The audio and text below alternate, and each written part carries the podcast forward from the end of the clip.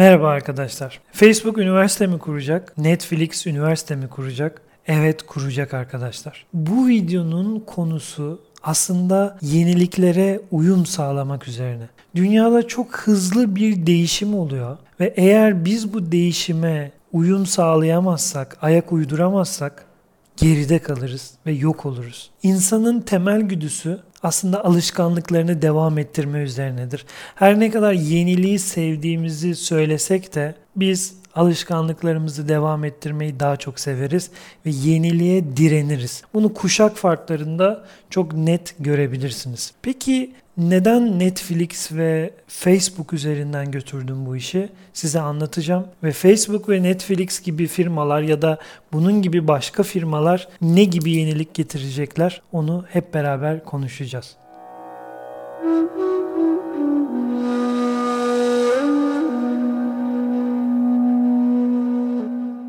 Şimdi ilk sorum şu. Okul neden var? Üniversite neden var? Yani temel olarak düşündüğümüzde bizi iş hayatına yetiştiriyor. Bizi hayatı öğretiyor. Böylelikle hayata atıldığımızda bir iş bulalım ve yaşamımızı sürdürebilelim. Peki bir üniversiteden mezun olmak iş bulma garantisi veriyor mu? Üniversite mezunlarıyla üniversite mezunu olmayanlar arasında çok fark var mı sizce? Yok arkadaşlar. Çünkü çağ değişti. Ama bizim bir diploma takıntımız var. Annelerimizde, babalarımızda, geçmiş nesilde daha çok vardı. Şimdi azalmaya başladı. Yani siz mesela müzisyen olmak isteyin. Oğlum bir şey oku, bir diploma al. Ondan sonra yine olursun. Diploma takıntısı vardı ve evet geçmişte gerçekten diploma bu kadar önemliydi. Ama şimdi gerçekten bu kadar önemli mi? Ya da diplomaların yerini ne alacak? Ona bakalım. Mesela bazı mesleklere eskiden de diploma sorulmazdı. Örneğin bir piyaniste e, diploman var mı diye sorulmaz. Bakar bu adam iyi çalıyor mu, çalmıyor mu? Ne bileyim bir ok atana senin diploman var mı diye sorulmaz. Bakarlar iyi ok atıyorsa zaten onun diplomasıdır.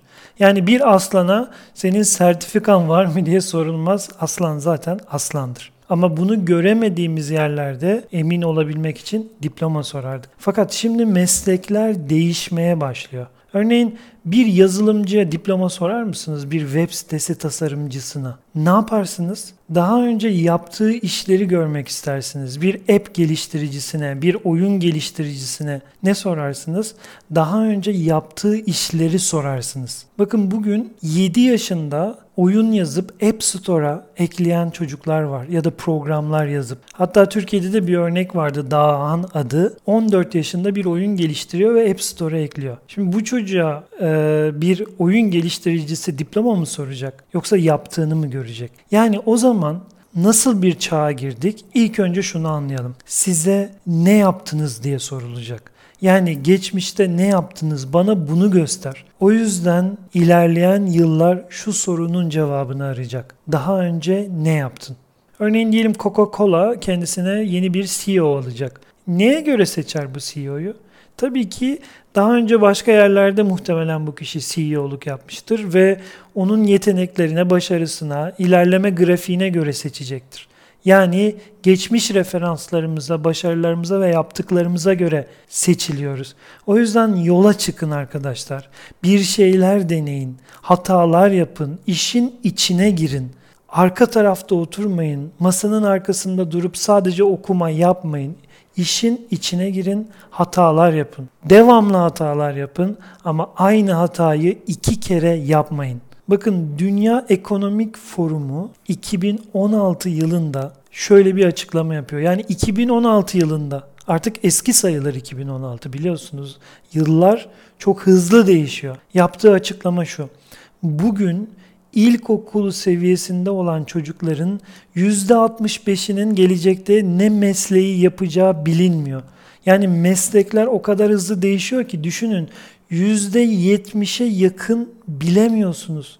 Sürücüsüz araçlar çıkıyor, yapay zekayla artık her şey yapılır durumda. Robot teknolojileri, blockchain, drone uçurucuları, biliyorsunuz Amazon drone'la kargo teslimatı üzerine çalışıyor. Dünya bambaşka bir yere gidiyor. O yüzden şu anda mesleklerin nereye evrileceği bilinmiyor. Bakın dünyanın en iyi üniversitelerinden biri sayılan Stanford Üniversitesi'nin elektrik elektronik bölümü başkanı şöyle bir açıklama yapıyor. Bugün öğrettiğimiz bilgiler bir yıl sonra bayatlıyor diyor. Tarihi geçiyor yani. O kadar hızlı bir değişimin içindeyiz. Peki böyle bir değişimin olduğu dünyada hangi mesleği seçmeliyim ya da neleri bilmeliyim? Arkadaşlar makinelerle ilgili her türlü bilgiyi bilmek ileride işinize yarayacaktır. Hatta bazı fütüristler diyorlar ki bugün okuma yazma bilmeyene hangi gözle bakıyorsak ileride kodlama bilmeyene o gözle bakacağız diyorlar. Lütfen bu bilgiyi hayatınız boyunca unutmayın. Yeniliğe her ne kadar meraklı olsak da yeniliğe adapte olma konusunda her zaman sıkıntı yaşayan varlıklarız. Hep alışkanlıklarımızı sürdürmeyi yeğliyoruz. O yüzden yeni gelişen teknolojilere adapte olmak lazım. Mesela bakın tıp bile üniversitelerde tıp bile değişecek ve doktorlar daha çok operatör yani makinaları yöneten insanlara dönüşecekler. Bugün VR teknolojisiyle ya da arttırılmış gerçeklikle doktorlar simülasyonlarda ameliyat yapıyorlar ve bu değişecek. Bakın kolumuzdaki saatler EKG ölçüyor artık. Düşünün eskiden bir kalp doktoruna giderdiniz. EKG'niz çekilirdi, onun sonucunu beklerdiniz. Şimdi kolunuzdaki saat çekiyor. Kolunuzdaki saat kandaki oksijen oranınızı ölçebiliyor. İleride neler olacak siz düşünün. Peki Netflix ile Facebook Üniversitesi bunun neresinde? Şimdi oraya gelelim. Bugün dünyanın en iyi üniversitelerinden sayılan bir iki üniversite sayın desem aklınıza belki Harvard gelecek, Yale Üniversitesi gelecek. Peki Harvard Üniversitesi ile Yale Üniversitesi neden bu kadar değerli ve neden bu kadar duyulmuş? Tabii ki köklü olmalarının bunda etkisi var. Fakat onlardan daha eski, hatta çok daha eski üniversiteler de var. Fakat onları asıl meşhur eden o üniversitelerden mezun olan insanlar. Mesela Barack Obama Harvard Üniversitesi mezunuydu ve hatta şöyle bir istatistik var. Son 24 yılda Amerika'da 12 başkan adayın tamamı Yale ve Harvard Üniversitesi'nden mezunmuş. Şimdi bir üniversiteden mezun olan ünlü kişiler, başarılı kişiler o üniversitenin aynı zamanda reklamını yapıyor. Hmm, bak Barack Obama Harvard mezunu, bu da Harvard mezunu. Sanki öyleymiş gibi bir algı var. Bizim bilinçaltımız zaten bu şekilde çalışıyor. Şimdi Netflix ve Facebook gibi şirketler de asıl amaçları para kazanmak. Ülkemizde de para kazanmak amaçlı üniversiteler açılmıyor ama çok fazla. İş adamları üniversiteler açıyorlar. Hem oralardan para kazanıyorlar hem de prestij kazanıyorlar. Peki buradan para kazanabileceğini gören Facebook ve Netflix buraya neden girsin? Çünkü Facebook ve Netflix hem bu yeni gelişmeleri takip ediyor hem de en iyi eğitimi verebilecek sisteme sahip. Nasıl mı? Bakın bugün Netflix eğlenceli tarih dersleri diye bir seri yayınladı. Yavaş yavaş bu sisteme giriyorlar. Geçen gün e, meditasyon eğitimi yayınladı Netflix kendi platformu içinde. Ve burada nasıl bir gücü var Netflix'in? Şimdi hepimiz küçüklüğümüzden itibaren bir sürü ders gördük. Tarih dersi gördük, matematik dersi gördük, coğrafya dersi gördük. Peki bir dersi sevmemizi sağlayan en büyük etmen neydi? Öğretmendi değil mi? Öğretmeni sevdiysek, öğretmenin anlatım tarzını sevdiysek dersi de seviyorduk. Şimdi düşünün Netflix dünyanın en iyi coğrafya dersi anlatıcısını bulacak. En iyi tarih dersi anlatıcısını bulacak. En iyi matematik dersi anlatıcısını bulacak ve onu anlattıracak. Bu da yetmedi. Anlattığı her şeyi görsellerle destekleyecekler. Animasyonlarla destekleyecekler. Şimdi bu meditasyon dersinin ben ilk bölümünü izledim. Öyle animasyonlar yapmışlar ki yani sıkıcı olabilecek bir konuya seni çekiyorlar. Şimdi böyle olunca biz o dersleri artık çok daha iyi algılayabileceğiz, seveceğiz, öğreneceğiz ve hatırlayacağız. Bugün insanlar tarih derslerinde gördüğü birçok şeyi unutuyorlar ama diziler sayesinde hatırlıyorlar. Yapılan diziler sayesinde Osmanlı'yı kimin kurduğunu, Kanuni Sultan Süleyman döneminde neler olduğunu hatırlayabiliyorlar. Çünkü bize bu eğlenceli bir şekilde sunuluyor. Çocukların aslında dikkat dağınıklığı yok dikkat dağınıklığı olduğunu düşündüğümüz çocuklar, tabi burada hastalıktan bahsetmiyorum ben, halk dilinde kullanılan dikkat dağınıklığından bahsediyorum. Dikkat dağınıklığı olduğunu söylediğimiz çocuklar bir bilgisayar oyununun başında saatlerce durabiliyorlar. Demek ki çocuğun dikkatini toparlayacağı bir odak, bir sistem yok. Ama Netflix bunu yapabilir ve bizi o platforma, o derslere bağlayabilir. Ve sonra buradan mezun olan insanlar çok iyi yerlere gelirlerse ki Netflix bunu da destekleyecektir. Mesela kodlamayı öğrenen birisine iş fırsatı sunacaktır. Yine kendi şirket bünyesinde.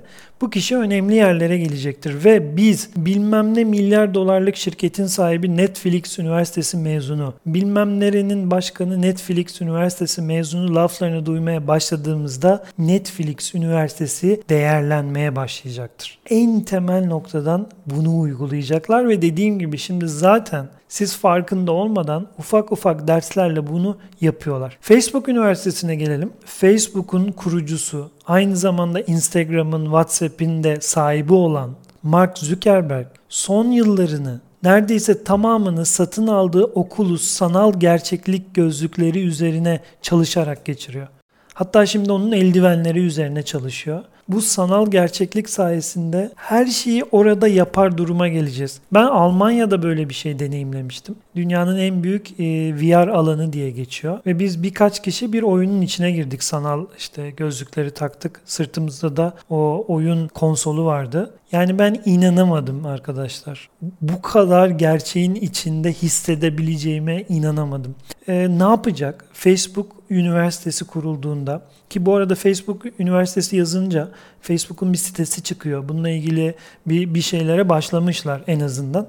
E, ne yapacak? O da aynı şekilde dersleri size sanal gerçeklikle yaptırabilecek.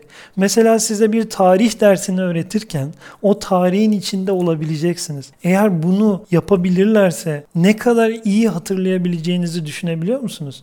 Bir savaş sahnesinin içinde olabileceğinizi, bir şeyleri değiştirebileceğinizi, bir tıp dersi alırken, ne bileyim bir coğrafya dersi alırken size Akdeniz ikliminin bitki örtüsünü anlatıyorlar mesela. Seni direkt Akdeniz iklimine götürüyor. Direkt oradaki ağaçları görmeni sağlıyor. Biyolojiyi mesela insan vücudunu inceliyoruz. Direkt insan vücudunun içine girebiliyorsun. Amsterdam'da ben öyle bir e, müze gezmiştim. İnsan şeklinde yapılmış. Böyle birinci katından bir giriyorsunuz. İnsanın bütün işte bacaklarından kalbine, beynine gidiyorsunuz, burnuna, gözüne. İnanılmaz bir şey. Oradan çıktığınızda insan vücudunu çok daha iyi hatırlayabiliyorsunuz. Şimdi bunu sanal gerçeklikle yapabilecekler. Ve bunun sonucunda biz her şeyi çok daha iyi hatırlıyor, çok daha iyi uygulayabilir duruma geleceğiz. Ve bu teknoloji şirketleri de bir tekel oluşturdu bir şirket yükselmeye başlayınca direkt onu satın alıyorlar. Facebook kendi üniversitesinden mezun olan birisini kendi şirketine yönlendirecek eğer başarılıysa. O da büyük bir başarı kazanacak ve sonra ne olacak? Aynı Harvard ve Yale Üniversitesi gibi bu üniversiteden mezun olanlar başarılı olacaklar. Belli bir yerlere gelecekler ve üniversitenin reklamını yapacaklar. Bu şirketlerin çoğu tabi aslında para kazanmak için bunu yapacak ama aynı zamanda gerçekten de bizim bir şeyleri daha net ve kalıcı bir şekilde öğrenmemize fırsat tanıyacaklar. Bir de bu şirketler en son teknolojileri kullanabilecek. Mesela GPT-3 diye bir yapay zeka var. Duydunuz mu? Hatta Barış Özcan e, kanalında bununla ilgili bir video yapmıştı. Ben de izlemiştim. Çok güzel bir videoydu. GPT-3 neler yapabiliyor arkadaşlar? GPT-3 makale yazabiliyor, soruları cevaplayabiliyor, çeviri yapabiliyor, kodlama yapabiliyor. Ve GPT-3 Wikipedia'daki bütün bilgileri kendisine toplayıp bir soru sorduğunuzda anında cevap verebiliyor. Hatta internet üzerindeki bütün bilgileri toplamış. Wikipedia'nın 23 katı daha fazla bilgiye sahip. Bu da bitmiyor kişileri taklit edebiliyor. Mesela Einstein'a soru soruyorsunuz. Cevap Einstein'ın tarzında size geri geliyor ve bir süre sonra onunla konuşmaya başlıyorsunuz. Şimdi bu büyük şirketler düşünsenize Einstein'ı bir öğretmen olarak e, sizin karşınızda simüle edilmiş bir şekilde getiriyorlar. Ve siz sorularınızı aynı şekilde Einstein'a soruyorsunuz ve bu istediğiniz soruyu sorabiliyorsunuz. Einstein sinirlenmiyor. Neden bunu söyledim? Çünkü benim ilkokul, ortaokul hayatımda da ya da lisede de böyle olmuş olmuştu. Hocaya soru soruyorsunuz. Hoca kızıyor yani. Sonra bir daha soru soramıyorsunuz. Ama burada Einstein'a soru sorabiliyorsunuz. Ve Einstein size cevap verebiliyor. Çünkü bu yapay zeka Einstein'ın bütün kitaplarını okumuş. Ya da Elon Musk'a soru sorabiliyorsunuz. Elon Musk'ın tarzında size cevap verebiliyor. Düşünebiliyor musunuz? Bir de Elon Musk'tan daha iyi cevap verebiliyor. Neden? Mesela örneği benim üzerimden gidelim. Yapay zeka benim bütün kitaplarımı okumuş. Tamam mı? Benimle ilgili bütün makaleleri de okumuş ya da benim yazdığım makaleleri okumuş. Siz şimdi normalde bana gelip sorsanız deseniz ki Kalbin Temizse kitabında şu konudan bahsediyordunuz. Onu biraz daha açar mısınız? Aklına gelmeyebilir. Mesela benim başıma gelmişti böyle bir şey. E, bunu da ilk defa anlatıyorum. Güneri Civaoğlu'nun programında e, konuk olmuştum. Güneri Civaoğlu benim kitaplarımdan rastgele bir şey açtı. Dedi ki işte şu kitabında şu hikayeyi anlatmışsın dedi. Bir daha anlatsana dedi. Şimdi hikaye aklıma gelmedi. Yani çünkü çok fazla hikaye var ve hepsini her zaman anlatmıyorum. Yani aklımda var tabii de bu sıralama şeklinde gelmedi. Dedim ki Hakan bir şekilde gir hikayeye devamı gelecek ve gerçekten girdim devamı da geldi. Kitabında diyorsun ki kalbin temizse yolculuğu mutlu biter. Kitabında enteresan anlatımlar var. İki şeftali ağacının hikayesi var. Hı hı. Bir tanesi güçlü falan. E, sahibi şeftali ağacını suluyor. Ötekini ihmal ediyor küçük olanı. Sonrası sen anlat. Orada e, paylaşmayla ilgili güzel bir hikaye vardı. Ama her zaman böyle olmuyor. Bir kere bir seminerde gerçekten anlattığım hikayenin sonunu unutmuştum. Ama toparladım. Seyirciler çok anlamadılar hikayeyi bilmedikleri için. Fakat yapay zekada böyle bir sorun olmayacak. Yapay zeka hepsini hatırlayabilecek. Hepsini kelimesi kelimesine hatırlayabilecek. Belki diyeceksiniz ki duygu veremiyor. Yapay zeka öyle bir gelişecek ki mesela biz insanlar her zaman duyguya giremeyebiliriz ama yapay zeka her zaman duyguya girebilecek. Öyle özellikleri olacak. Şimdi bu şirketler bu teknolojileri kullandıklarında nasıl bir dünyaya adım atacağız bunu düşünün. O yüzden yeniliklere daima adapte olun. Yenilikleri daima takip edin. Ben de bunu elimden geldiğince yapmaya çalışıyorum. Yani arkadaşlar yarın öbür gün Netflix Üniversitesi, Facebook Üniversitesi, Amazon Üniversitesi kurulduğunda şaşırmayın. Çünkü çok iyi teknolojilerle diğer üniversitelerin rekabet edemeyeceği bir sistem kuracaklar. Teknoloji geliştikçe üniversiteler de değişecek ve değişmek zorunda. Bakın Harvard Üniversitesi'nin neredeyse en önemli değerlerinden biri sayılan Charles William Eliot demiş ki üniversiteleri değiştirirseniz dünyayı değiştirirsiniz diye. Üniversiteler değişecek, bambaşka bir hale gelecek. Şimdi zaten dersler videolarla devam ediyor. Bu bir sonrakinde VR'a geçecek. Daha sonra hepsi biraz önce bahsettiğim gibi belki Netflix'in, Amazon'un, Facebook'un yaptıklarını yapacak hale gelecek. Şimdi bizde pandemi olunca seminerlerimiz, imzalarımız, yaptığımız programların hepsi iptal oldu. Online programlar yaptım. Ben de online programları tüm bu yenilikleri katmaya çalışıyorum. Yeni bir program uyguladım ama bir sonrakinde bunu sanal gözlüğe geçirmek istiyorum. Ve gerçekten bizi takip edenler arasında yapay zeka geliştiricileri varsa, bu konuyla detaylı şekilde ilgilenenler varsa bana ulaşsınlar. Çünkü onlarla kafa kafaya verip gerçekten başkalarının yapmasını beklemektense biz de harekete geçelim istiyorum. Belki biz de bir şeyler yapabiliriz. Var olan benim programlarımı belki beraber geliştirebiliriz. Çünkü değişen bir çağdayız ve hepimiz buna uyum sağlayalım. Ben de yeni bilgiler öğrendikçe bunları sizinle paylaşmaya devam edeceğim. Hep birlikte öğrenelim. Çünkü bilgi paylaşıldıkça çoğalır. Sizin de bu konuda bilgileriniz varsa bunu yorumlara yazın. Ben de bunu okumaktan memnuniyet duyarım. Bütün yorumlara bakmaya çalışıyorum. Kendinize çok iyi bakın. Hoşçakalın. Şu sözle bitirmek istiyorum. Ünlü bir sözle biraz da ekleme yapacağım. Affınıza sığınarak. Eğitimin pahalı olduğunu, zorlu olduğunu, meşakkatli olduğunu düşünüyorsanız bir de cehaleti deneyin. Hoşçakalın.